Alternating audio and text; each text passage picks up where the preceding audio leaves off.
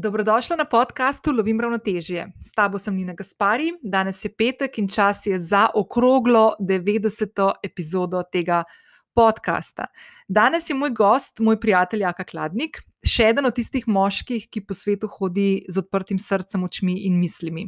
V tej epizodi govoriva o njegovi poti samo odkrivanja in samo sprejemanja ki ga je vodila skozi številne navade in rutine, ki mu še danes pomagajo obdeti in upravljati s tesnobo, in v preteklosti tudi s paničnimi napadi. Govoriva tudi o njegovem poslovnem življenju, v katerem se v zadnjem času osredotoča na odkrivanje agilnega razmišljanja, ki je v tem času postal že kar tako njegova taka rdeča nit, tako na nekih, uh, v nekem delu, ki ga zdaj upravlja, kot tudi na črtih, ki jih ima za prihodnost. Mimo grede, Jaka je človek, ki je odgovoren za to, da sem lansko pomlad obiskovala odličen tečaj Leader in Flow, ki ga vodi moj gost v 42. epizodi tega podcasta, Roman Pavlović. Pa to, da sem šla lani ob nekako tem času prvič v ledeno mrzlo kamniško bistrico, ker sem ravno prek Jake spoznala tudi Emila Ledenka. Uh, ki sem ga gostila pred kratkim v 84. epizodi, uh, kjer lahko spoznaš tudi tehniko dihalnih vaj, uh, in potopa v ledeno vodo. Tako da lahko bi rekla, da je jaka en tak velik del poti, po kateri stopam zadnje dobro leto in pol, in tudi z njegovo pomočjo sem preskočila marsikateri strah in umitveno prepričanje, ki me je še na dolgo nazaj zadrževalo na poti, po kateri hodim, tako zasebno kot poslovno. Še to. Jako organizira tudi delavnice agilnega mindseta oziroma agilnega razmišljanja. In če te ta tema zanima, te vabim, da skočiš na zapis epizode, ki ga najdeš spodaj v opisu te epizode, in vam sem vključila tudi povezavo do njegove delavnice, ki se jo tudi jaz že zelo veselim in upam, da bom ujela eno od čim hitrejših in najbližjih, naj, najbolj hitrih datumov, ki jih bo uh, Jaka razpisal. Preden skočiva v današnji pogovor z Jako, ki je res tak zelo, zelo, zelo, zelo fajn pogovor in ti res svetujem, da ga poslušaš do konca, te vabim, da če še nisi prijavljena na podcast, lovim ravnoteže, to storiš zdaj prek aplikacije, na kateri trenutno poslušaš to epizodo. Vedno sem vesela tudi ocen in mnen, ki mi jih lahko pustiš na podcast aplikaciji ali pa se mi oglasiš na zasebno sporočilo, najraje vidim, da to narediš na Instagramu, ker se bom takrat tudi najhitreje lahko oglasila. S prijavo oddajo ocene in mnenja na aplikaciji, pri kateri poslušaš podcast, pa pomagaš, da zanj slišijo tudi te podobne ženske in tudi moški. In tudi tokrat, kot vedno, lahko spodaj v opisu najdeš povezavo do zapisa epizode, kjer te čakajo vse povezave, ki smo jih danes jako omenila v tej epizodi in prek katerih lahko jako spremljaš tudi v prihodnje. Hvala preden se poslovim, ti želim še en lep, lep petek, en fin skok v vikend in um, lepo bodi. Čau! Ok, ja, kaj tako, še enkrat začni. Okay, začel bom z enim takim icebreakerjem in sicer me zanima, če bi bil zdaj tvoj zadnji obrok. Okay. Kaj je tista stvar, ki bi jo pojedla? Zadnji obrok, tako, ne moreš, ni repete, ni nič, zadnji. A moram tako krožnik si izbrati? Kaj je na krožniku? Ja, ja, ja. Experience, ali lahko en experience podoživim? Lahko, lahko, greva, lahko greva v experience, lahko greva na to, okay. je. Kar ti paše, zadnji je pač. V, v bistvu se najbolj spomnim enega rojstnega dneva, ne vem koliko let nazaj, že kar precej, po mojem, deset plus let nazaj, ko sem bila v New Yorku in sem imela glih rojstni dan in me je moj stric pelal k Alenu Dukasu, ki je francoski kuhar z največ zvezdicami. In sem takrat bila tam na večerji, in mi je bilo čist noro, in v bistvu, če bi mogla zbirati, kaj bi podoživela, bi, bi to zbrala. Okay. Če mi pa pustiš prostor za. Pa mi boš povedal, zakaj si me to zdaj vprašal, pa zakaj nisem jaz začela z vprašanjem, glede na to, da jaz tebe sprašujem danes. Ampak, če bi pa mogla, če bi pa puščaš prostor, tako za, pač, da sem lahko malo bolj kreativna in tako, pa bi pa rekla, da bi si izbrala vse tiste obroke in, in krožnike, ki jih še nisem probala v življenju. Oh, okay, okay. ne, to je kot icebreaker. Jaz, recimo, če bi bil zadnji obrok, ki bi ga nekako želel jesti, um, bi po mojem zbral pico, res, kako banalno to zgleda in kako je to junk food, ampak pico z, z moje Saše pa zlijo. Evo, to bi bilo recimo, zadnje, da bi A se ja. sedel in tako. Ampak, ampak no, okay, pica, pica je hrana. Zdaj zbral še tako. Ja, okay, ja na širši koncept. Ja.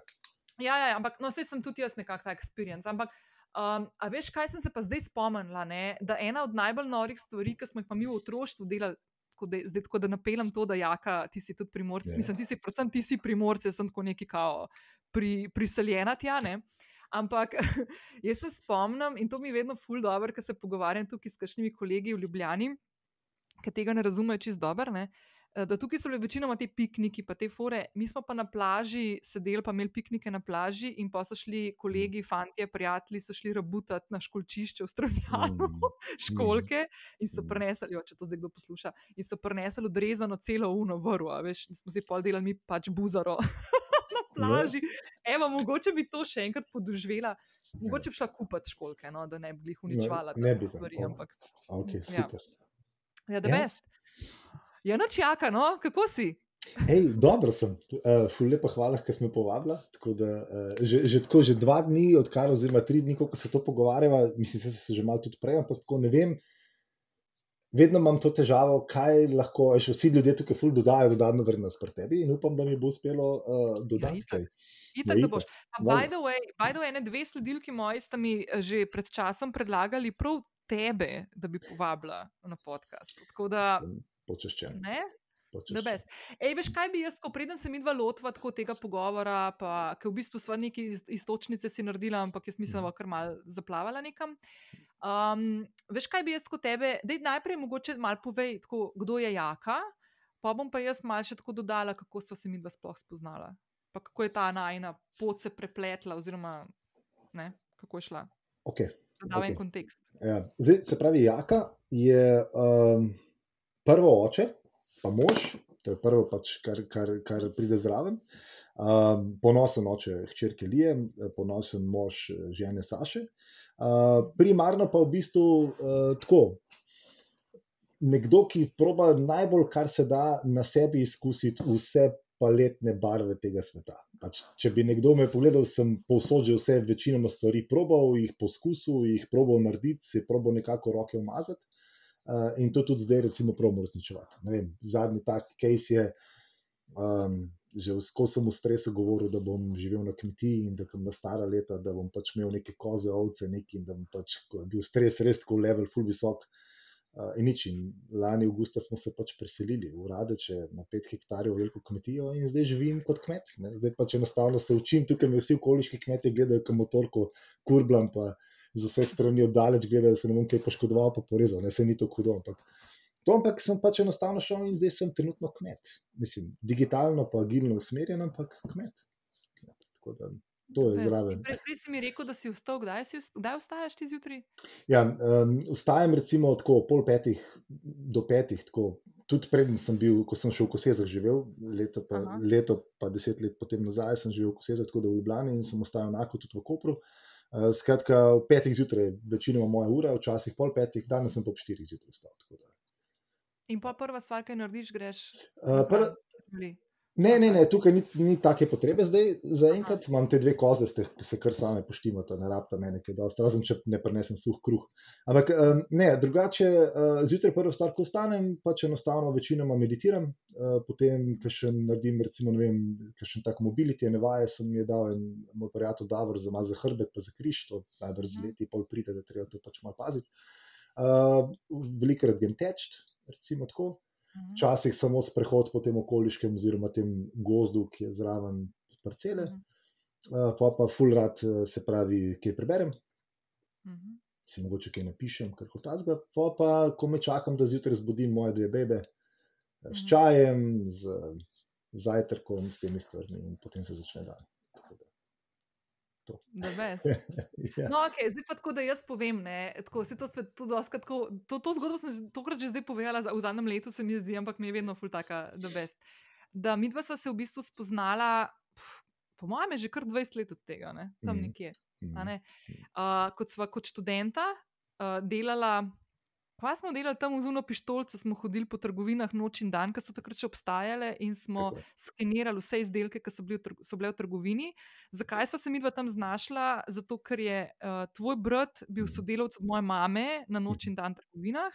Tako. In so pač imela poletno, poleten šiht, ne? študentsko delo. Tako. In v bistvu je zanimivo, je tako, da smo se ful sva se pokonektala, ful smo se Mhm. imeli dobro. Mm. Uh, ful je bil, ful je hiter čas mineval, kar je bilo najbolj pomembno. Ne? In pa sva tako mi dva postala pač ta Facebook frenda v bistvu. No? In tako, mislim, nismo nekaj tako prijatelja, da bi se ful videvala Mhm. levo, desno. Ampak tako vsake toliko smo se pa kaj tako srišala ali pa še mesič poslala, pa preverjala, kako svake pa kaj se kaj dogaja v življenju.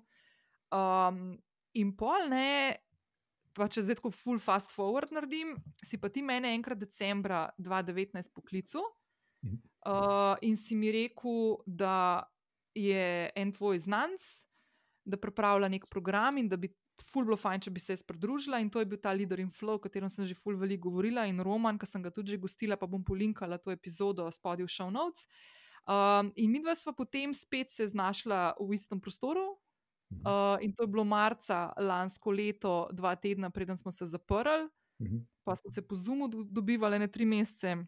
Res je. Pa, ko smo se pa spet videli, ne, če zdaj naredim spet en tak zaokrožen, to, kar si ti povedal, da v življenju poskušaš okušati vse stvari. Ne, Mhm. se se jaz tudi počasi tega začela malo učiti. Nisem še čistom, da bi se čisto vsega upala, ampak, ajde. ampak lani, v zelo kratkem času, smo naredili dve taki stvari. Ena je bila, da smo šli v, v, v uh, vetrovnik, in druga stvar je, a ja, by the way, da si posnel dva videa, ki sta pri meni na TikToku presegla dva milijona ogledov. Ja, To bi mogel dati tudi CV, to bi mogel dati Ja, CV. to je prišlo na LinkedIn si napisati, pa referenca. Pa, pa smo šli uh, k Emilu, ki je bil tudi gost že na podkastu, uh, se potopiti v Kamiško bistrico. In mi pa smo to zgodbo ponovila marca letos, ki je še malo snežil. Pa to. Mhm. Mhm. In v bistvu sem jaz tebi ful neizmerno hvaležna, zato ker sem skozi, mislim, s tabo ali pa ob tebi, ali pa da si bil ti zraven, sem en kup enih teh stvari presegala pri sebi in se mi zdi tako ful da best. V bistvu povezujem tako s tabo tudi neke take mejnike moje. No. da best. Joj, Pa ful, hvala pa ful hvala, da smo takrat poklicali za, tudi za ta leader in flow, pa Romanu, ki na začetku sem bila tako malce skeptična, ker sem mislila, kam pa jaz kaj prenesla zraven, pa vsi so bili neki tako middle management, top management, šefi svojih firm, jaz pa tam ena SP-ja, ampak se mi je bilo ful dobro, tako ful mi je bilo da best. No, Jaz mislim, da takrat je bilo škoda, ker nismo imeli še kakšne predstavnice, ampak si bila odlična. Jaz ne bom nikoli Ja. pozabil, ko smo se takrat po dolgem času videli in smo imeli v tem studiu od, uh, od, uh, od M-Bilsov, smo se srečali v tisti sejni Ja, sobi. ja. Um, in, uh, in tako smo bili res vsi, vsi z vseh vetrov skupaj, smo se prvič dobili, malo se je čutilo te napetosti in vsega, ampak najbolj je bilo zanimivo, kako si ti takoj štartala s tem, s tem. Jaz vem, kaj hočem. In jaz sem bil tako, sem dvignil roko in sem rekel, hej, kako ti je to zneslo? da, No, sej, veš kaj, to je bilo tisto glih po tistem, uh, mal preden smo se zaprli, pa je bil šok. Ne? Ampak ja, jaz sem takrat res tako ful imela jasno in kristalno Mhm. sliko, iz, tako res izklesano pot, kam hočem iti. Če bi me danes vprašal, danes sem spet mal tako, ne, ne glih tako zgubljena, ampak se moram spet mal, um, in to sem si zdaj dala za poletje, spet se moram mal poigrati s tem, kam želim v življenju pelati svojo zgodbo. Uh, ker se mi zdi tako prav, tudi, da take stvari malo povemo, da tudi, ko enkrat najdeš nek svoj namen, pa poslanstvo, zakaj, kako koli temu rečeš, da to zdaj ne pomeni, da je to neki, neka taka stvar, ki je zacementirana, ne? ampak da dejansko so to neke take stvari, vaje, ki jih je fino obnavljati vsake tok, da mal fine-tunaš uh, mm, svojo pot. No. In mene to zdaj čaka, zdaj to poletje, zato ker se mi zdi, da, da sem prišel v neko fazo, ki rabim neke dodatne izzive, no, če si iskreno. Ja. Ja, by the way, še ena stvar, ne, Zdaj, še eno stvar sem naredila. To pa sploh se nismo neki ful pogovarjala. Ja, k astrologi nisem šla, ne? tudi potem, ko sem se s tabo pogovarjala in si bil ti še eden od ljudi uh, v vrsti parih pogovorov, ki ste šli v Gaji, in pa sem se šla, tudi jaz. Ne? In sem imela tudi jaz z Gajo pogovor, in je bilo ful zanimiv. In sem presegla en kup enih svojih umitvenih prepričanj uh, in skeps o astrologih, in tako naprej. Tako da, ja.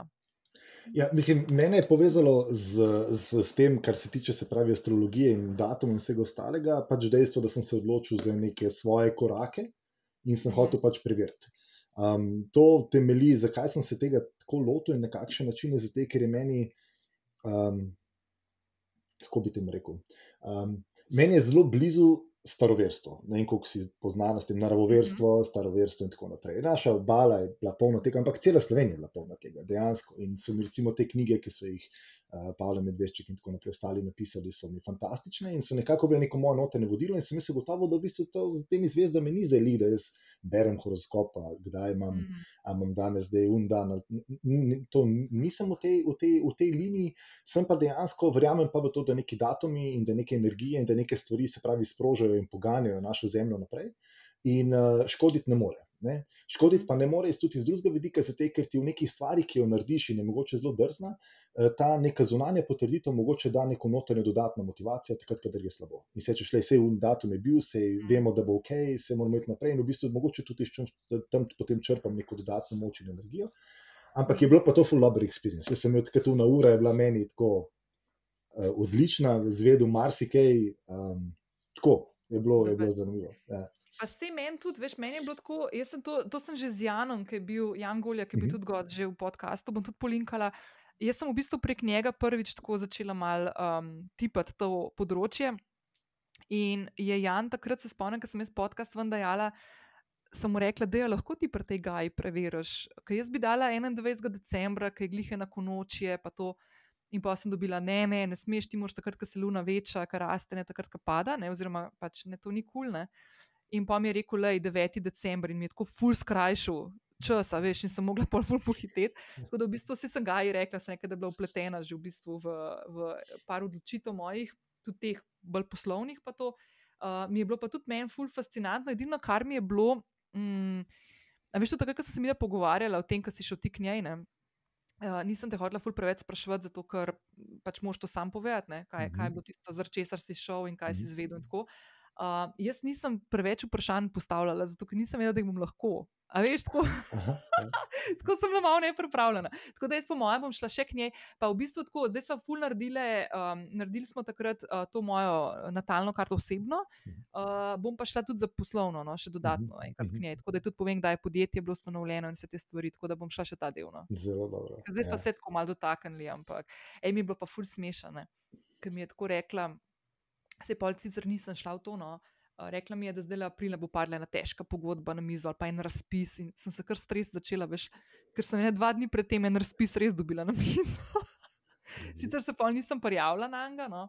ampak ja, je kar, kar pa pa mi kar razlaga začela o tem. Mislim, ful mi ga je opisala, ful je bilo zanimivo. No. Mm. Ampak pa se pa nisem odločila, pa prijavila, zato ker jaz te razpise se nikoli nisem, veš, te evropske, pa kar mal ne znam, pa mal časa je bilo. No, tako da bom po mojem to kdaj drugič. Uh, ugriznilo na to. Ampak dej, zdaj si se dotaknil te um, svojih odločitev, pa to, da je mogoče mal.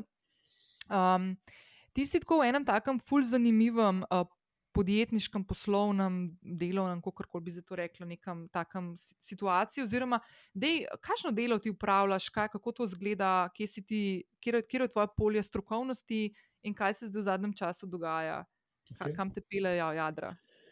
Um, v bistvu je stvar taka. Jaz sem primarno bil dober prodajalec, kasneje sem v bistvu v letu 2008, ko sem bil z 29 oziroma 30 leti, takrat že ja, 30 in 27, že 30 leti sem v bistvu um, direktor prodaje enega IT podjetja v Ljubljani.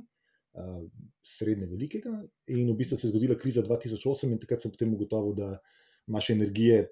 Sem takrat tudi pripeljal stvari do nekega svojega zaključka, pa od tega, da sem podjetje pustil v bistvu v neki dobri formi, ampak sem z druge, z druge strani, z druge dejavnosti, ampak sem potem šel v marketing in sem delal marketing. In sem bil skozi mm -hmm. potem prepleten z marketingom in takrat sem prvič se zelo srečal z digitalom. No. In predtem sem že delal, 2001 sem delal za italijansko agencijo.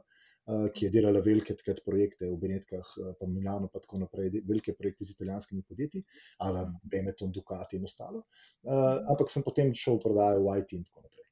Pa sem pa v bistvu že takrat 2007 uh, bil sodelovec z Vorencem, ki je zdaj tudi moj prijatelj, tako dober uh, in v bistvu on me takrat prvič spoznal z agilnostjo, se pravi z agilnim mindsetom, agilnimi stvarmi, skramom in tako naprej. Uh, Uh, in kar je potem na koncu navleklo tako, da sem jaz nekako tam 2016 nekaj tasga, v bistvu, ko sem takrat že potem z agencije šel delati na stran klienta, uh, sem v bistvu nekako ugotovil, da agilnost lahko funkcionira tudi dobro v marketingu.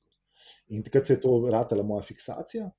No, od tu dalje je pa zdaj stvar taka. Ne? Zdaj delam sicer na podjetju Better, vodim, mislim, vodim niti ne vodim, ampak tam sem nek digital marketing manager, se pravi nekdo, ki malo koordinira te digitalne aktivnosti, ki jih delamo.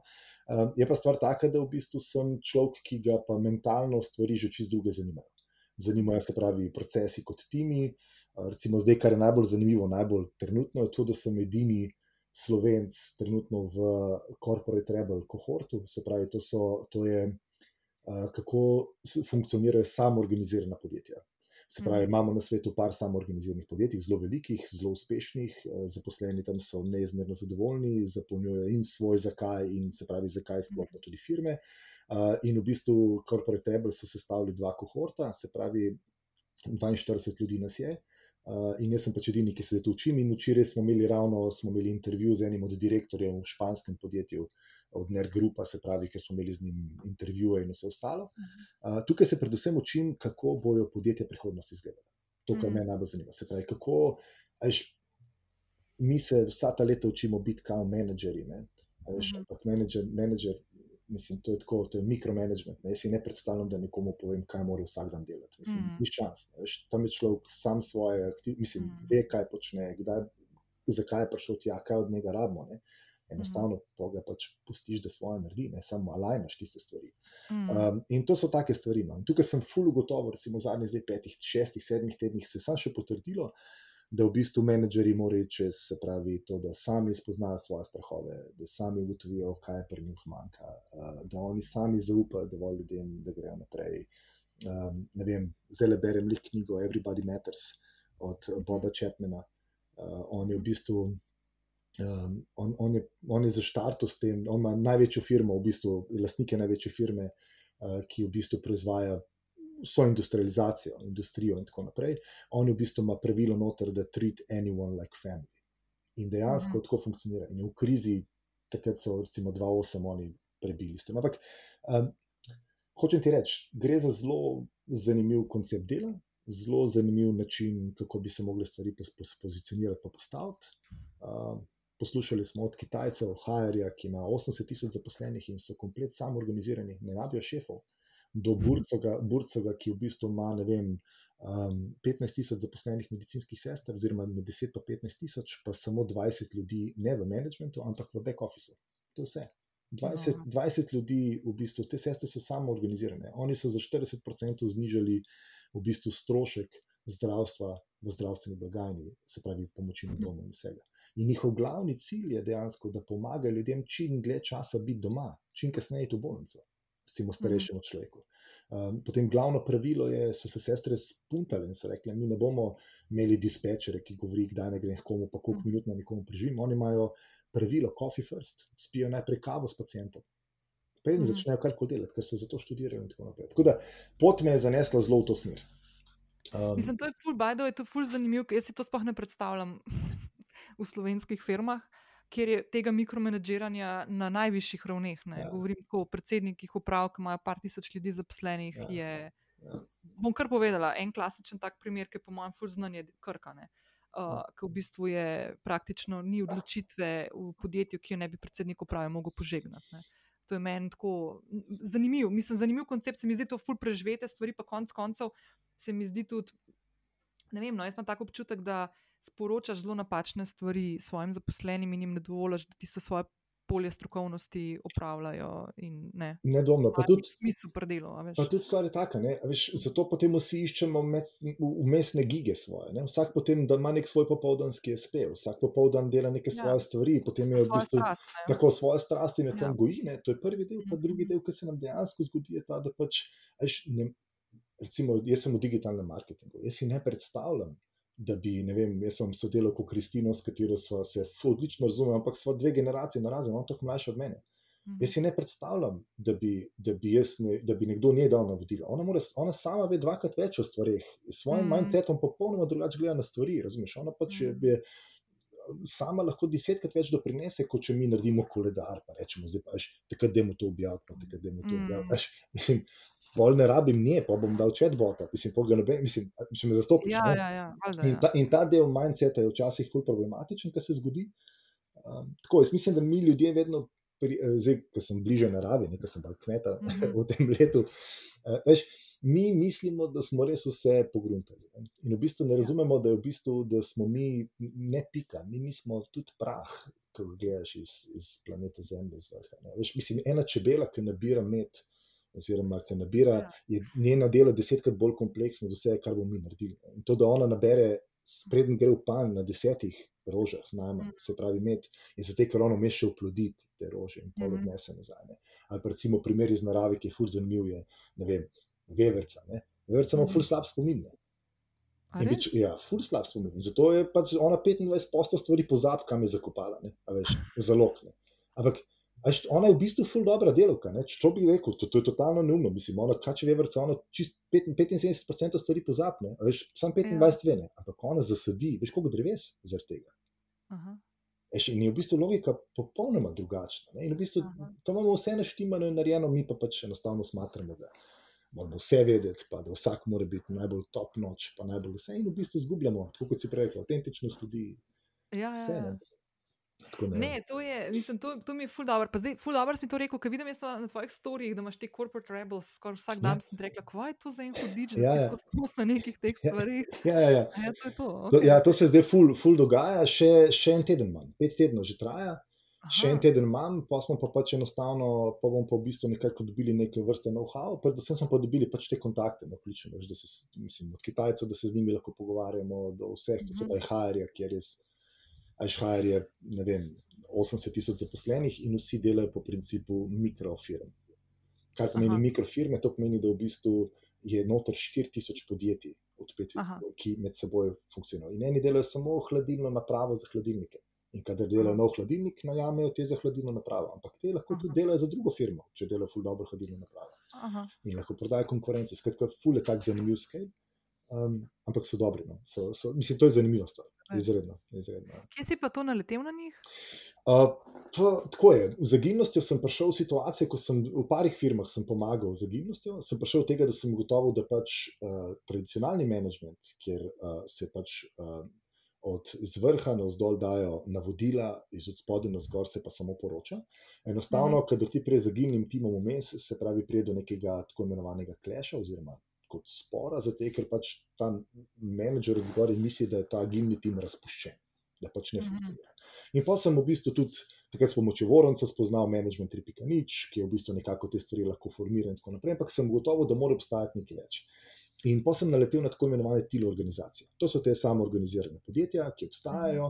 Recimo pri nas je, ne vem, primernega takega, ne vem, če, ti, če je til, ampak recimo saj iz naslova lastništva kot podjetje zanimivo Devesoft, ne, recimo, kjer je knjez sam dal podjetje v lasti svojim zaposlenim. Ne, recimo, mm. in tako naprej. In to so recimo ljudje, ki potem delajo tudi za sebe in ima ful jasno pravilo, ne se pravi, lastnik podjetja si dokler si v podjetju. Ko greš v penzijo, pač podjetje od tebe odkupi delež in ga da človeku novemu, ki pride opcije, da odkupi noter in tako naprej. Tako da imam tak krok, recimo, kjer ljudje delajo za svoje penzije, za svoje neke prihranke in tako naprej. Ja. In s tem dobi več involvement in vse. Ampak stvar je taka, da sem tilo organizacije spoznal in skozi to sem pol, to je zdaj neka nova veja, malo mal zgleda, en določen del tega zgleda zelo hipi, ne? tako pač ljudje uh mhm. -huh. prosto popreširno delate, kar hočete in tako naprej. Uh, nekje pa res obstaja tak, tak uh, cikl nekega, nekega, se pravi, jasnega biznis ritma, mi temu rečemo, se pravi, ritma, koliko je sestanko in tako naprej. In uh -huh. Corporate Rebels so zdaj ponudili res dejansko uh, prav use case.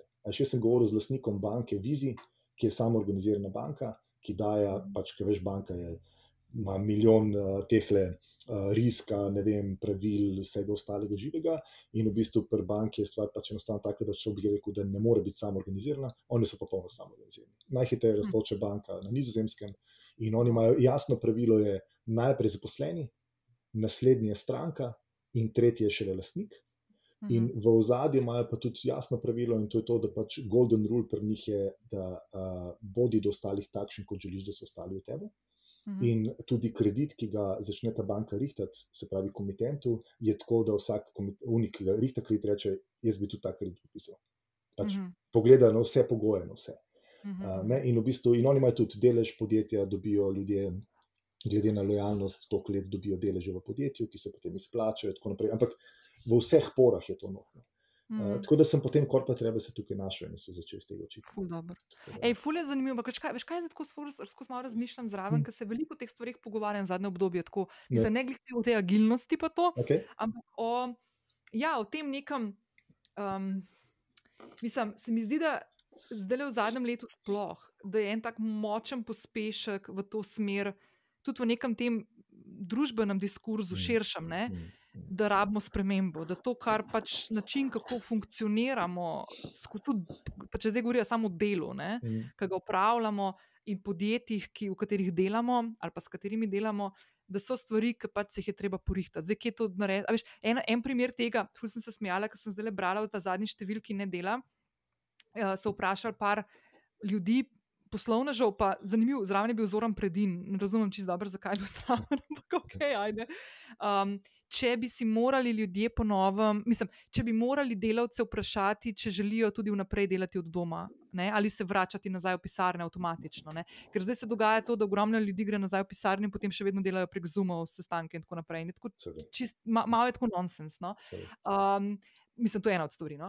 In, um, in to so take vprašanja, ki se mi zdijo, so ful na mestu, in, in se mi zdi, da tako malo drvimo nazaj v neko tisto staro normalnost, ki smo jo v bistvu že vsi skupaj skup, skup malo preživeli. Po drugi strani imamo pa mi, slovenci, ne, to sem te zdaj hotel vprašati. Ne? Glede na to, da ti zdaj spoznavaš neke te modele, ki funkcionirajo v tujini in so fleksibilni, agilni in tako naprej, in kričijo potem novem dojemanju sveta in želji tudi delavcev, kako mhm. želijo naprej delati. Ne? In ta ful pomembna stvar je, ne vem, če si videl na raziskavo, zdaj malo skačem. Uh, raziskava, mislim, da je Global. Global neki survey, se sem že enkrat omenila, bom, bom ti poslala drugače. Naredili so raziskavo, aha, tle le imam odprto, čakaj, čakaj, bom prav odprla, da povem točno ime, ti bom poslala. Uh, Global Talents, uh, talent, uh, talent Trends. Uh, so naredili in poslali, uh, v kateri so tudi Slovenija bila vključena v lanskem letu. Moje delo, PIKA.com je, je izvajalo to v Sloveniji in so gledali spremenljivke, kaj je ljudem, delavcem pomembno na delovnem mestu, kje so tiste vrednote.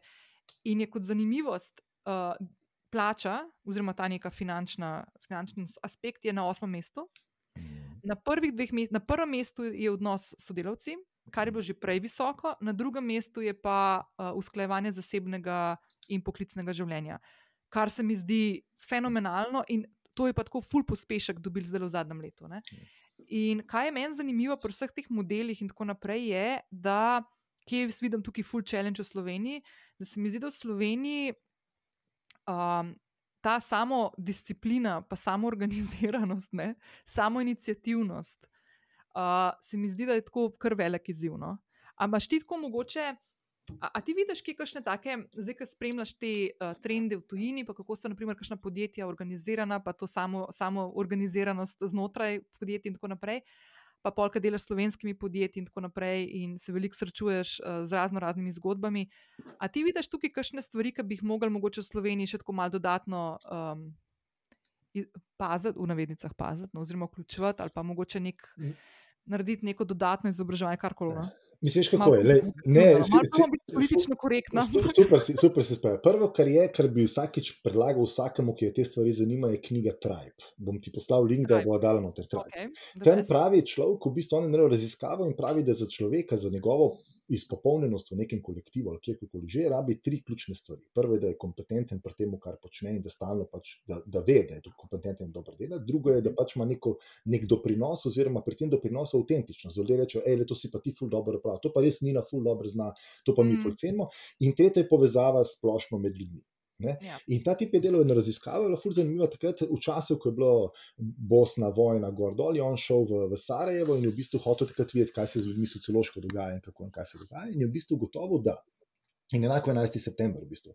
ko se zgodi vojna in ko je tako stanje, mental health v bistvu bolezni zginejo. Aha. Ni anxiety, ni ničesar. In potem so oni rekli, zakaj, zakaj do tega pride. In je v bistvu ugotovil, da prihaja zaradi tega, ker enostavno takrat so vsi ljudje enaki.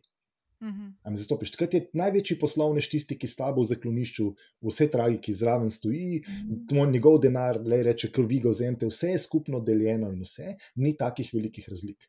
Recimo, to, kar se dogaja v našem poslovnem svetu, je primerno to. Recimo, ne vem, ne, če veš, da je Abercrombie in Fitch, ne, uh -huh. razmerje v plačah. Ne, je 4290 kratnik lastnik oziroma direktor dobi od Mhm. unega, ki dela v trgovini. Zdaj si predstavljaj, da ta direktor pride in reče: hej, naši, naši, uh, naši principi, naš why je pa takšen. Ja, da je prosti, unga si spravil Ja. ja. malte na minimum, ti bašeš milijone, Ja, ja, ja, mislim, tukaj ni why, ne, ne moramo se o tem pogovarjati. In, in kaj se dogaja, zdaj bom pripeljal na tja, mogoče malo po širšem kontekstu. Jaz mislim, da vsi rabimo enega psihoterapeuta dobrega. Ne? Pač vsak od Mhm. teh naših lastnikov in, in vsak od teh naših Mhm. direktorjev, zdaj, ker vse začne s tabo, sprememba se začne s tabo.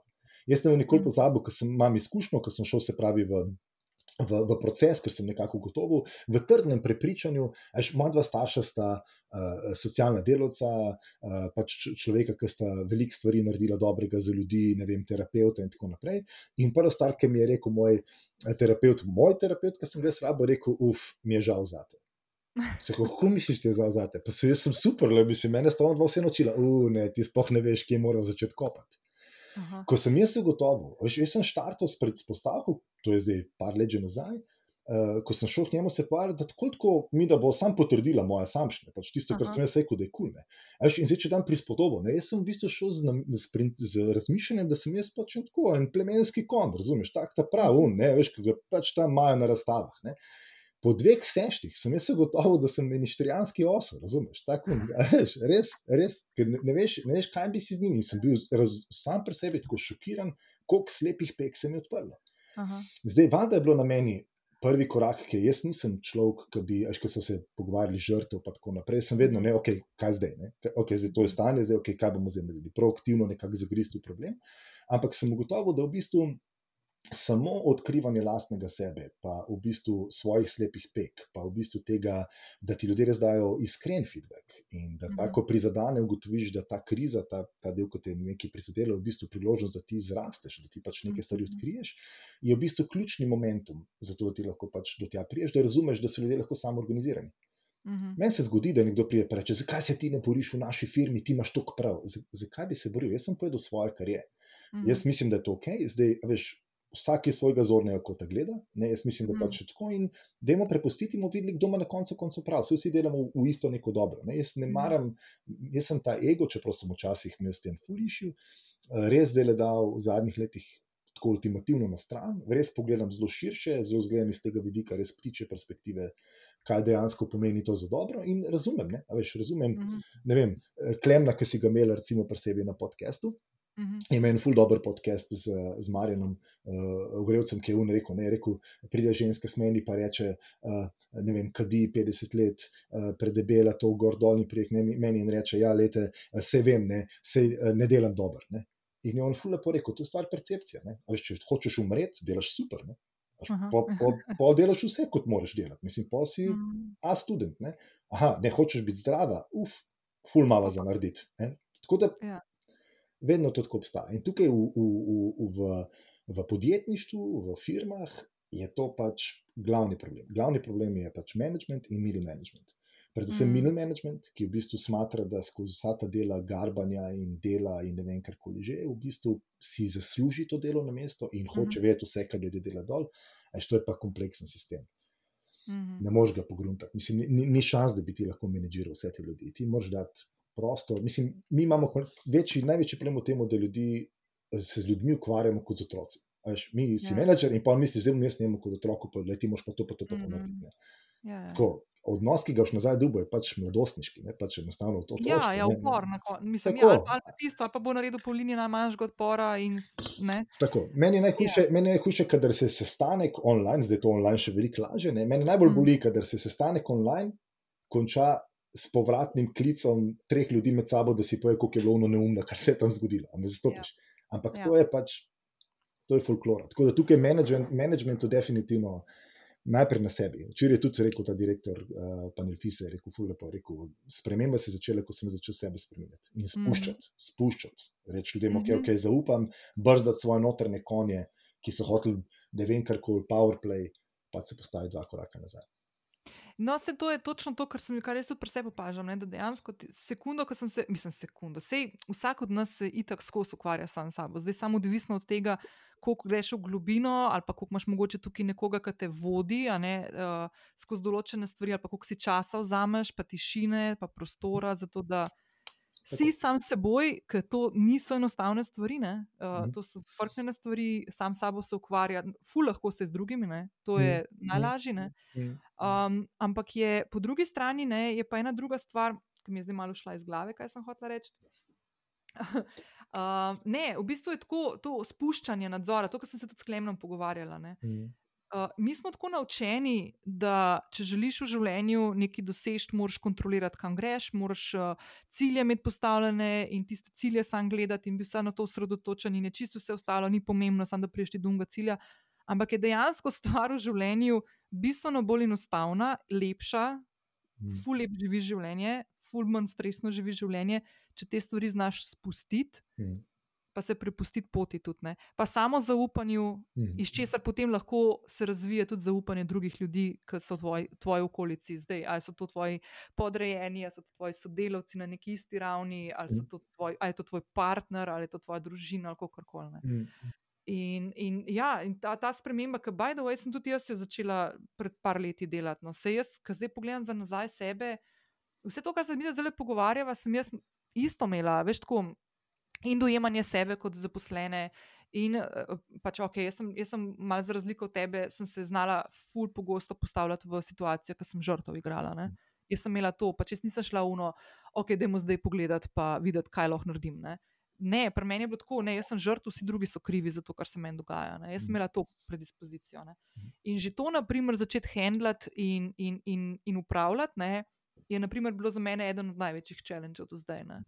Da sem rekla, ne, le pač jaz sem tista, ki nosim kapitansko kapo moje ladje, ki je življenje in jaz sem tista, ki sem odgovorna. Pa ne samo, mislim, meni se je to začelo v, v trenutku, ko sem šla na svoje. Mm -hmm. Ker sem pač, ker enostavno ni bilo drugega človeka, za krivit za marsikaj. In, in tako da, ja. Ful zanimiv. Ej, veš, kaj sem te hotel vprašati, uh, ker si omenil to terapije, pa te stvari. Ja. Um, a ti še hodiš, kako je na tako redno, na kakšni redni ravni? Uh, jaz sem po tistem, ko sem imel s, s tem človekom in take uh, realizacijske stvari, ki sem jih nekako gotovo, potem šel do, um, do Urha. Urh je tudi moj zelo dober prijatelj in sva z v bistvu z Urhom, no ti ga poznaš, Urha? Ja, ja? tako so šolci iz Leader in Flow. Uh, in sem šel z Urhom in sva z Urhom delala, ni na po moje, tri četrt leta na 14 dni po dve ure po pol. Wow. Ja, in to je bilo, jaz sem pisal, jaz sem izpisal, uh, mislim, mi, da sem imel tako litanije, ni da ni kar vse je šlo, zato da sem jaz nekako postavil um, nek nov, svoj, no, svojo novo pozicijo, v bistvu, kako pa kaj neke stvari postaviti in narediti. Uh, in to je bilo pač temeljno. To je bilo, to je bilo, če me vprašaš, to je bil pač turning point, za katerega sem takrat rekel, le, jaz, veš, ker to je če ti greš narediti novo stopnico v svojem življenju, pa nisi za sabo res teh temeljev mm. postavil na novo, pa se ti bo takrat na katerem koli skalu mm. pač ta vrnila nazaj v bumerangu in boš za neke malenkosti padel, pa kar koli že. Tako da mislim, da te korake morajo iti pač čistko. Uh, potrpežljivo, konsistentno pač na tem mhm. delati, in to je to. In tudi zdaj, recimo, če slučajno pride za en, sem imel tako malo večjo krizo, sem urha poklical se kurklej, pismo, kako ti misliš, je ful lepo mi rekel, rekel, le ti si za to treniral stvari, ti si se za to, ali ti si za to. In to je res, mi pozabljamo, da mi nismo do sebe prijazni. Mislim, ja, tendenca ja, ja. nas je, da do sebe nismo prijazni. To je vedno mm -hmm. nekaj, kar probujem čim več ljudem reči. Lej, um, in socialni mediji vse nas porivajo to, da nekaj skozi zamujamo, da nekaj nismo prebrali, da zdaj pa oni o tem drugače razmišljajo. Ni res, mm -hmm. bo do sebe prijazen. Vse, vse pride v svojem momentu, vsak bo mogel zapolniti neko kocko v mozaiku, -hmm. treba je sam sebe verjeti in pač iti naprej. Tako da ta del je, je tak. No. Zdaj, trenutno, kar delam, je v bistvu tako na sebi, kar delam. Se, um, trudim se spraviti to, da bi redno pisal dnevnik, mi še ne znese, ampak se, se pač trudim nekako najti svoj neki kolibri, kaj bi mi pasalo, pa kaj ne.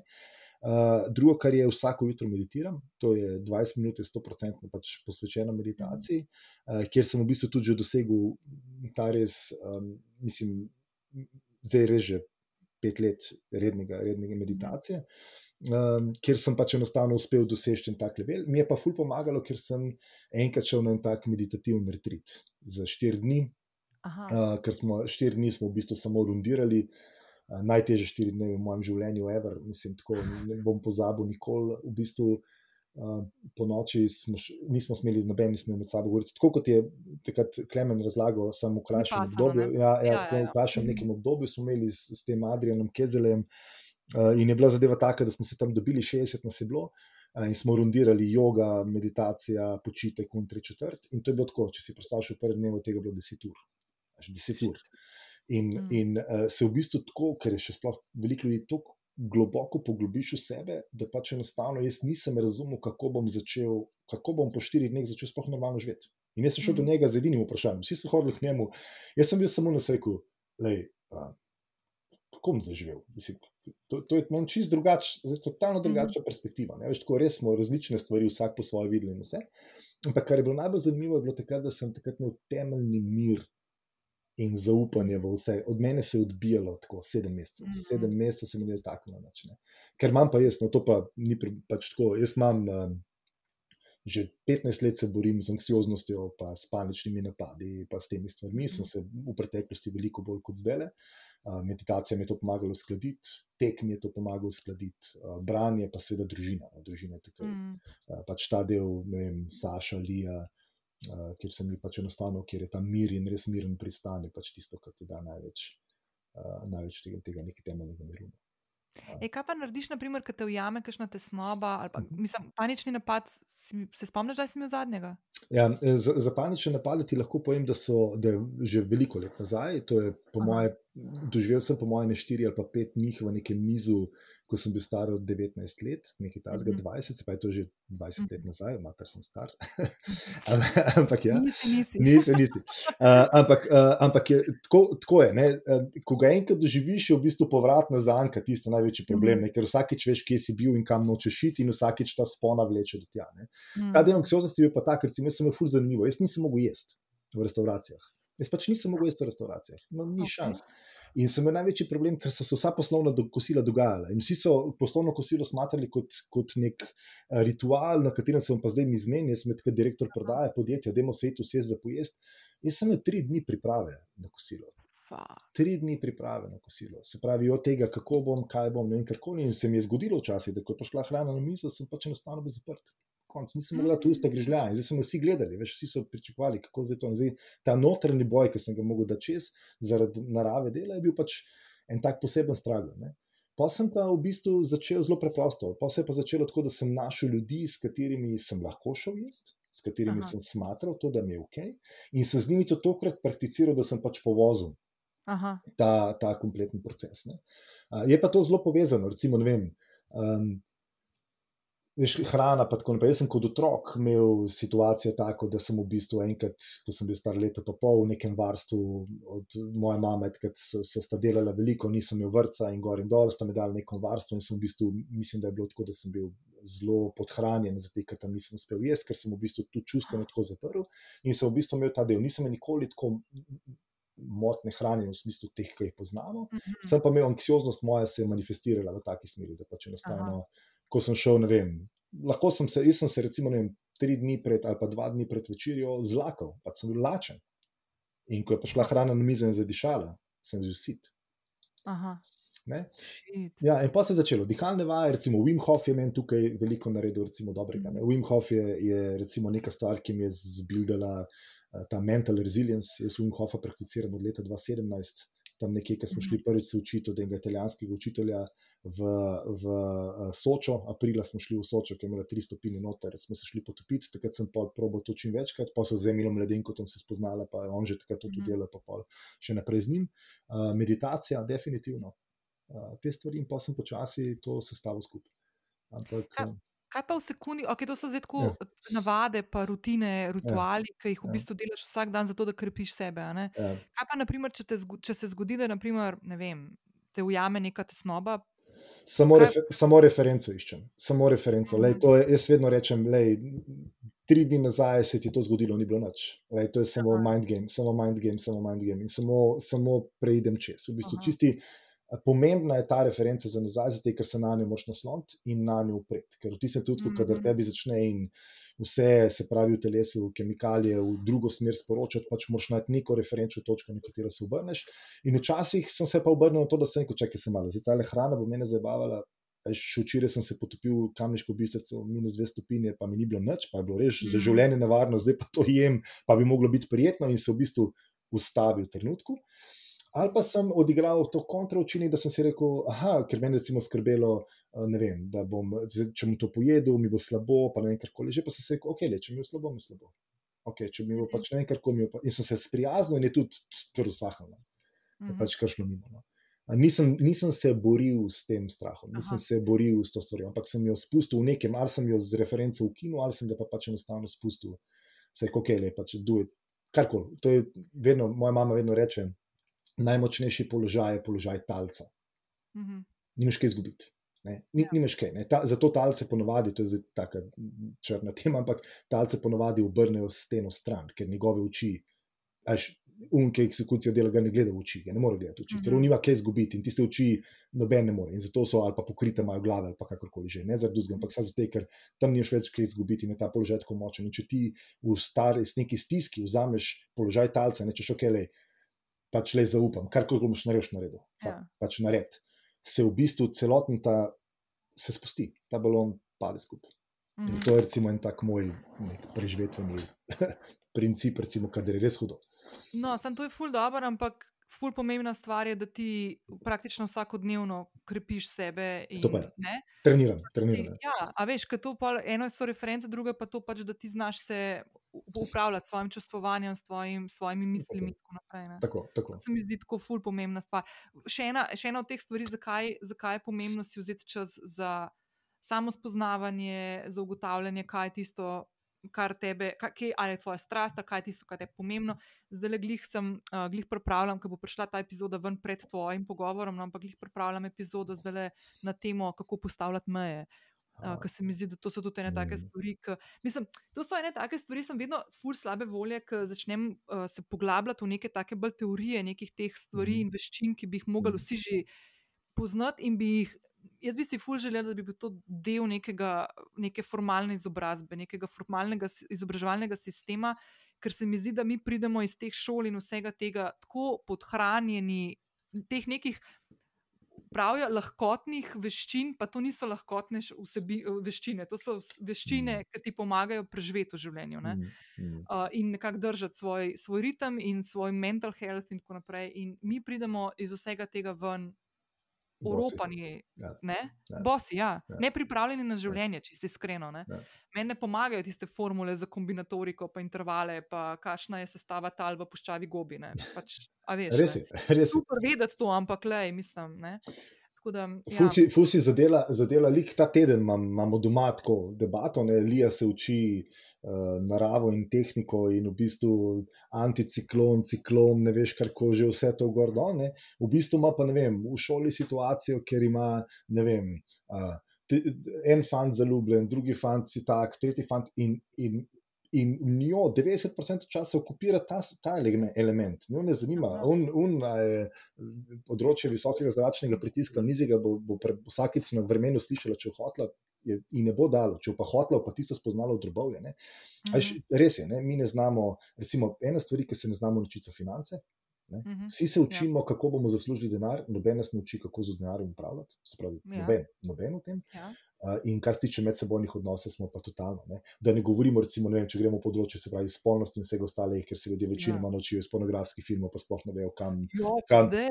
kam, kam ja. Ja. zdaj pa sploh ne, kam ta stvar te. Mhm. Ampak hočem ti reči, ne prihajamo v situacijo, kjer dejansko ljudje enostavno od, od šole res ne dobimo uporabnega znanja, s katerim bi Mhm. lahko nadgrajevali tisto, kar je nujno, ne? da se bomo Mhm. znašli, pa da bomo znali. Konflikt rešiti je najpomembnejša stvar, mislim, to je esencialnega pom- pomena. Ne? Valjda. Uh, Pa pogovarjati se, ne? pa biti odprt. Tako, biti, uh, tako, Ja, tako. Tako da si zadela, zadela v polnosti. Ne? To, je, to je res. ja, To je res. Um, veš, kaj me zanima? Mislim, ti si eden od njih, kljub temu, da se mi dva ne slišva na dnevni ravni ali pa na neki tedenski, mesečni. No? Zato pol takrat, ko se vidva, pa slišva, se gre Ja. to ure in ure. Ampak uh, ti si eden od njih ljudi, pa bom rekla moških, no, s katerimi se meni full fajn vedno pogovarjati, zato ker. Um, Máš ta poseben, mislim, da vedno, ful vedno pazim, ker to govorim tudi s Klemnom, ko sem se pogovarjala, pa z Janom, pa tako, tako vedno ful pazim, da, da, da ne zgleda, da podcenjujem moške, ker res ne gre za to, ampak ful imam tak um, občutek, da je ful premalo teh debat z moškimi, teh debat o čustvih, o tem o dojemanju sebe, um, o tem, da poveš, pač, ne vem, ali sem zajebo, ali pa tega ne znam, ali pa kakorkoli, no? te ranljivosti splošne.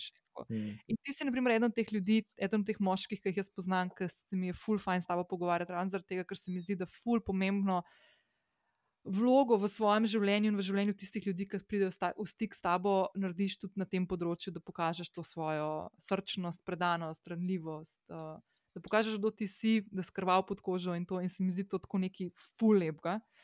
Um, tako da, v bistvu te bom vprašala, na kaj si najbolj ponosen v življenju. Oh.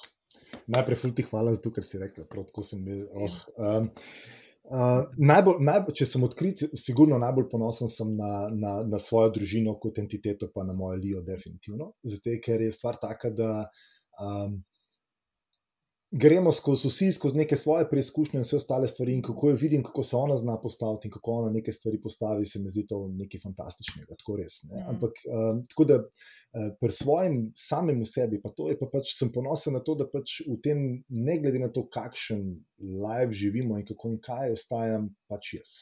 To mi je, ne, veliko krat se mi je že zgodilo, da bi lahko, ne vem, uh, drugače mislil, ne vem, mogoče drugače neke stvari predstavljal si ali pa neke stvari drugače, ne vem, pozicioniral in tako naprej. Ampak sem vedno gledal na to, da sem jih pozicioniral po mojem na najboljši, tak neinvaziven in kul način. Uh, nisem bil v preteklosti, v preteklosti sem sigurno imel te fejle, da sem to mogoče kdaj kaj drugače obrnil, ampak zdaj res vse, kar probam narediti, gledam na ta širši širši koncept, se pravi, te mhm. ptiče perspektive. Ne? Se pravi, prvič, če imam nekaj, kar me fully sklikam po tem, in moj ego kar kriči po tem, rečemo, ok, le, to je sam prah, stari moj, to je mhm. tako. To je, To ni, ne, mislim, nimamo kaj tukaj debatirati. Ne. Če pa imam nekaj za narediti, pa pač pravim narediti impact do ljudi, pravim biti pa čim bolj, spravi, dober. dober. Mm. To je nekako moja osnova. Ne. Biti ta dober človek, ki nekako pomaga po svojih močeh, uh, videti, kje lahko nekomu pač pomaga s čemkoli že. Mm. Uh, In eh, z vsako slabo izkušnjo, ki pride vmes, pač enostavno se naučiti, ki je pač bila slepa pega in zakaj nisem tega. Mm. Zakaj nisem tega. Tako da ponos najbolj pa primarno na, na, na Lijo. No. Na Lijo, na odnos, ki ga ima, na, na to, da mi zaupa, na to, da pač enostavno imamo uh, svoj me-time, kjer greva malo na sprehod ali karkoli, zdaj rado ta šport, nekako počasi, da bo začela malo športati v tej smeri. In mm. računam na to, da se pač enostavno rad bi bil nekdo, na katerega se ona lahko vsakič upre, vsakič mm. ve, da me ima tam in da se lahko upre, da mi lahko zaupa. Um, To je pa to, če sem tu dosegel, pa sem. Um, pa sem to je ful zmaga, ne? Ja, Mislim, ful lepo, ful, ful, ful lepo. Um, to mi je ful všeč, ker zdaj sem prav razmišljala, če bi jaz dobila to vprašanje, bi po mojem isto rekla uh, za to, da, da živim življenje, ki imam v vsakem trenutku uh, občutek, da sem iskrena, pa da delam tisto, kar mislim, da je najbolj prav v tistem mm. trenutku. Tudi če mm. pa nazaj vidim, da se kakšno stvar, vsi se razvijamo, rastemo, pa pol vidiš, mogoče bi bil kakšno stvar za nazaj drugače naredil, ampak to je v bistvu čisti mm. relevantno.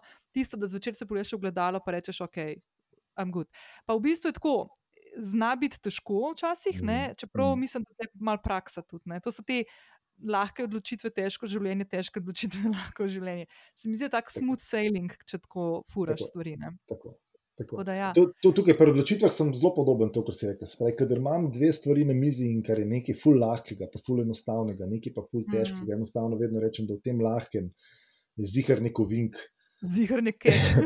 Zigar neko vink, zdaj lahko bi rekel, da sem pač mazohist in ne vem karkoli že, ampak res imam tako. No, probam vedno, vedno neke stvari ja. speljati, zelo gledati na širši kon, kon, konsens in koncept, se pravi celotnega nekega mm. univerzuma, kot ga jaz gledam. Pač. Se mi zdi, da je to pač mm. pomembno in se mi zdi, da se začne pri nas. Ja, veš, če jaz recimo pridem, pa jaz nisem pripravljen neke stvari narediti mimo nekih pravil, ki obstajajo, ker se mi pač to zdi neka osnovna pravila, higiena, ne vem, karkoli že.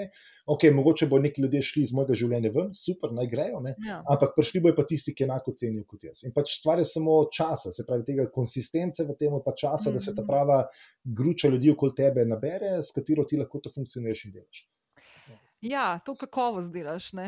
Tako, kakovostno tako. življenje, kakovostni odnosi. Tako, tako. Ne bom te vprašala, kje se vidiš čez par let, zato ker mi je to fulbutasto vprašanje. Okej. Um, če bi kdo mene to vprašal, po mojem, samo užig doživela. Ampak, um, kaj so naslednji koraki v, Jakov, v Ja- Jakovem življenju, uh, kaj je tisto, kar te zdaj okupira, kaj je tisto, kar mogoče se zdaj s tem ukvarjaš, zato ker te čakajo kakšne pomembne točke, izzivi, koraki. Ja.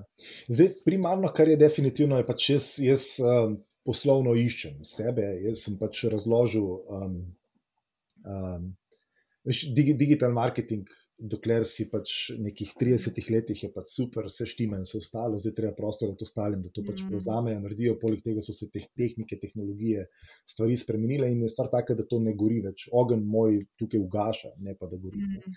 Uh, tako da de, definitivno, kar iščem, je v bistvu um, nek svoj prostor v tem, v tem agilnem svetu, v tem um, drugačnem management svetu, v tem, kako bi ljudje lahko v bistvu nekako probam se pozicionirati kot nekdo, ki bi pomagal firmam zagotoviti, da so njihovi ljudje zadovoljni na delovnem mestu. Ne v smislu, zdaj bomo naredili kulturo 360 stopinjske, ne, vem, ne, ne, ne, ampak pač dejansko for, for real, for good, se pravi, res Mhm. spremeniti. ne. Zato sem tudi ta dal, ta, ta eh, ne vem, corporate rebels, ne vem, knjige, ki jih zdaj berem, so zelo v tej smeri in tako naprej. Eh, Tako da ta del, kje se zdaj vidim, vidim se eh, sigurno na, nekje na, na, na deželi, ne več v mestu. Mhm. To je to definitivno nekje na deželi, nekje z nekim svojim vrtom, z nekim eh, spoznavanjem narave, ker se mi zdi, da od tam se najbolj, največ da črpati, od ekosistema do, do kako organizacije funkcionirajo, do vse ostalo. Um, uh, delal bom, bom nekaj, kar pač enostavno bo pomagalo širši, širši skupnosti, širšim, se pravi, ljudem kot takim.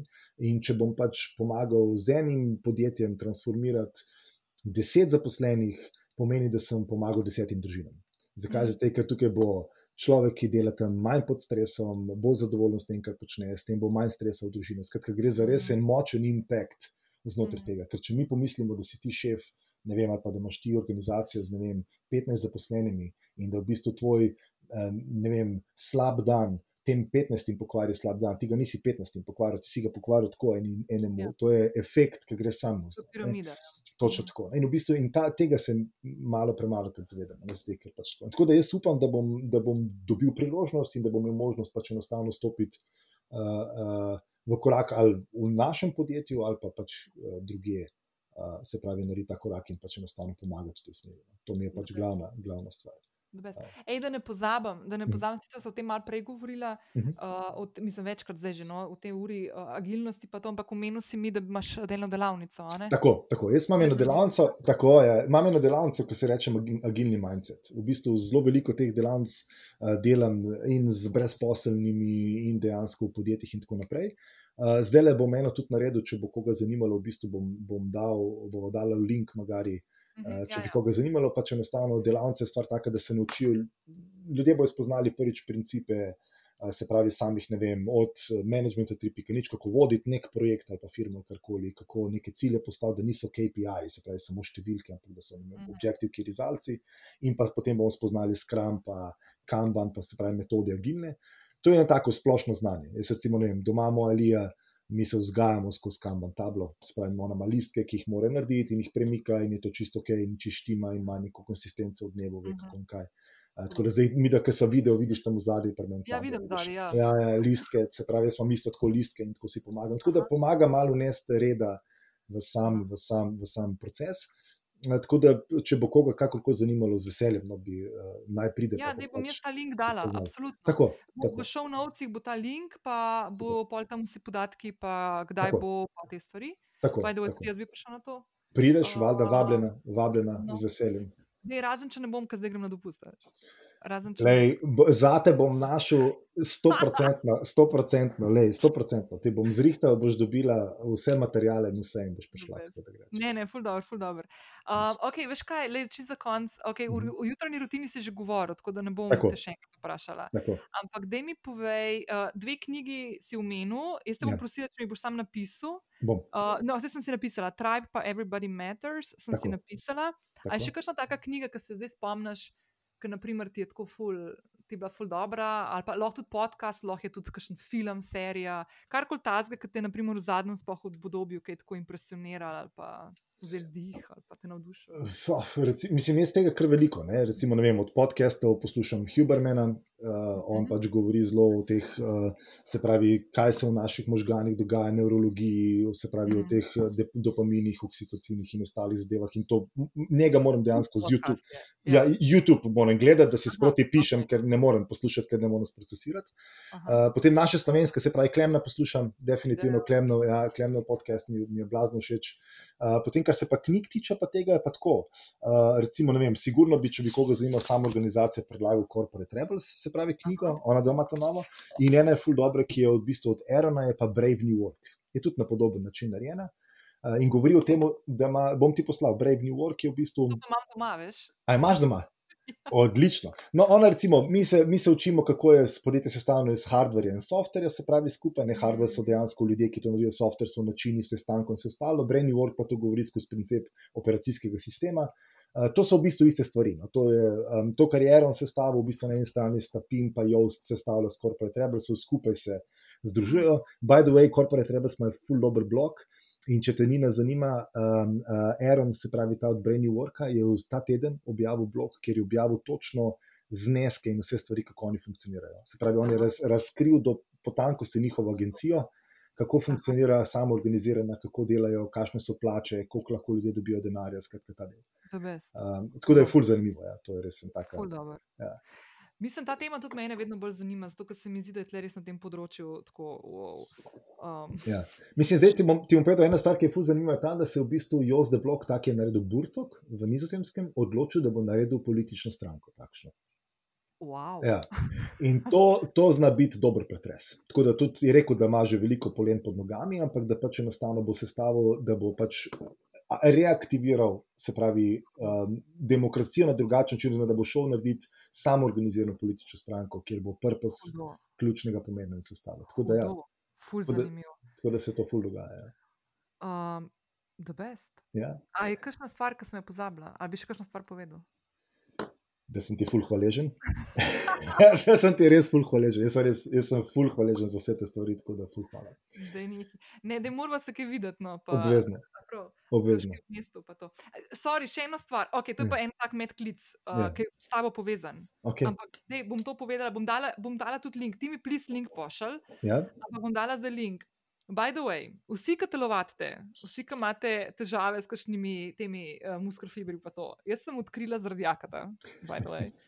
Odlična stvar, ki pomaga pri muskulofibru, magnezij, magnezijevo olje, ki se pošpricaš in mm. ložiš, um, pa magnezijev prah, ki ga mm. tvoja žena dela. Tako. Okay. In se prodajajo v lekarnah. Jaz sem pač opazila tudi lepo v moji lekarni v Ljublja, Ljubljanski, tle v Aleji, da imajo. Uh -huh. Jaz sem to posodila zdaj še dvema človekoma, ki fulcenem njuno mnenje. Uh, eden še ni probo, ena je pa čisto dušena na tem zvečer, ki spijaš, preden uh -huh. spat. Uh -huh. Skratka, če slučajno koga zanima, ali pa uporablja magnezij, evo, slovenski proizvod, fulje dober, v olju, v obliki razpršila za muskulfiber, pa to, ali pa, ali pa v obliki tega, da spiješ zvečer, preden greš spat. Jo, ja, ja, Dej, zelo dober. Zelo res, dober. ker je res ful dober produkt. No. Tako da ti mi sam link pošilj. Spletna, trgu, spletna trgovina. Je spletna trgovina. Best, ja, no, da gre, ja, no, to je Jaka, Jakova žena. Da, evo, o, odlično, ful ti hvala. No, ja, itak, no, valjda ne. Ja, super, je nač Jaka, lej, uh, to je to. Vse bova še klepetala. Po mojem, imela mi dve kakšne take še epizode, tako bolj take konkretizirane na teh agilnosti, pa to ful mi je, da brez ful mi je zanimivo. Bova šla čez, brez težav, z veseljem. Pa uno, ki si mi takrat govoril, ko smo se vozila iz Kamniške bistrice in si mi govoril o teh um, um, plemenskih oziroma teh kva, poganskih. Uh, Aha, to mi je ja. zanimivo. To, enkrat, to je pa, ja, naravoverstvo, staroverstvo tudi. Mava tem. To zanimivo. No, evo. Super, tam. Ej, jaka, lepo bodi, uh, se slišva pa en lep teden. Enako, hvala ti. Čau. Čau, čau.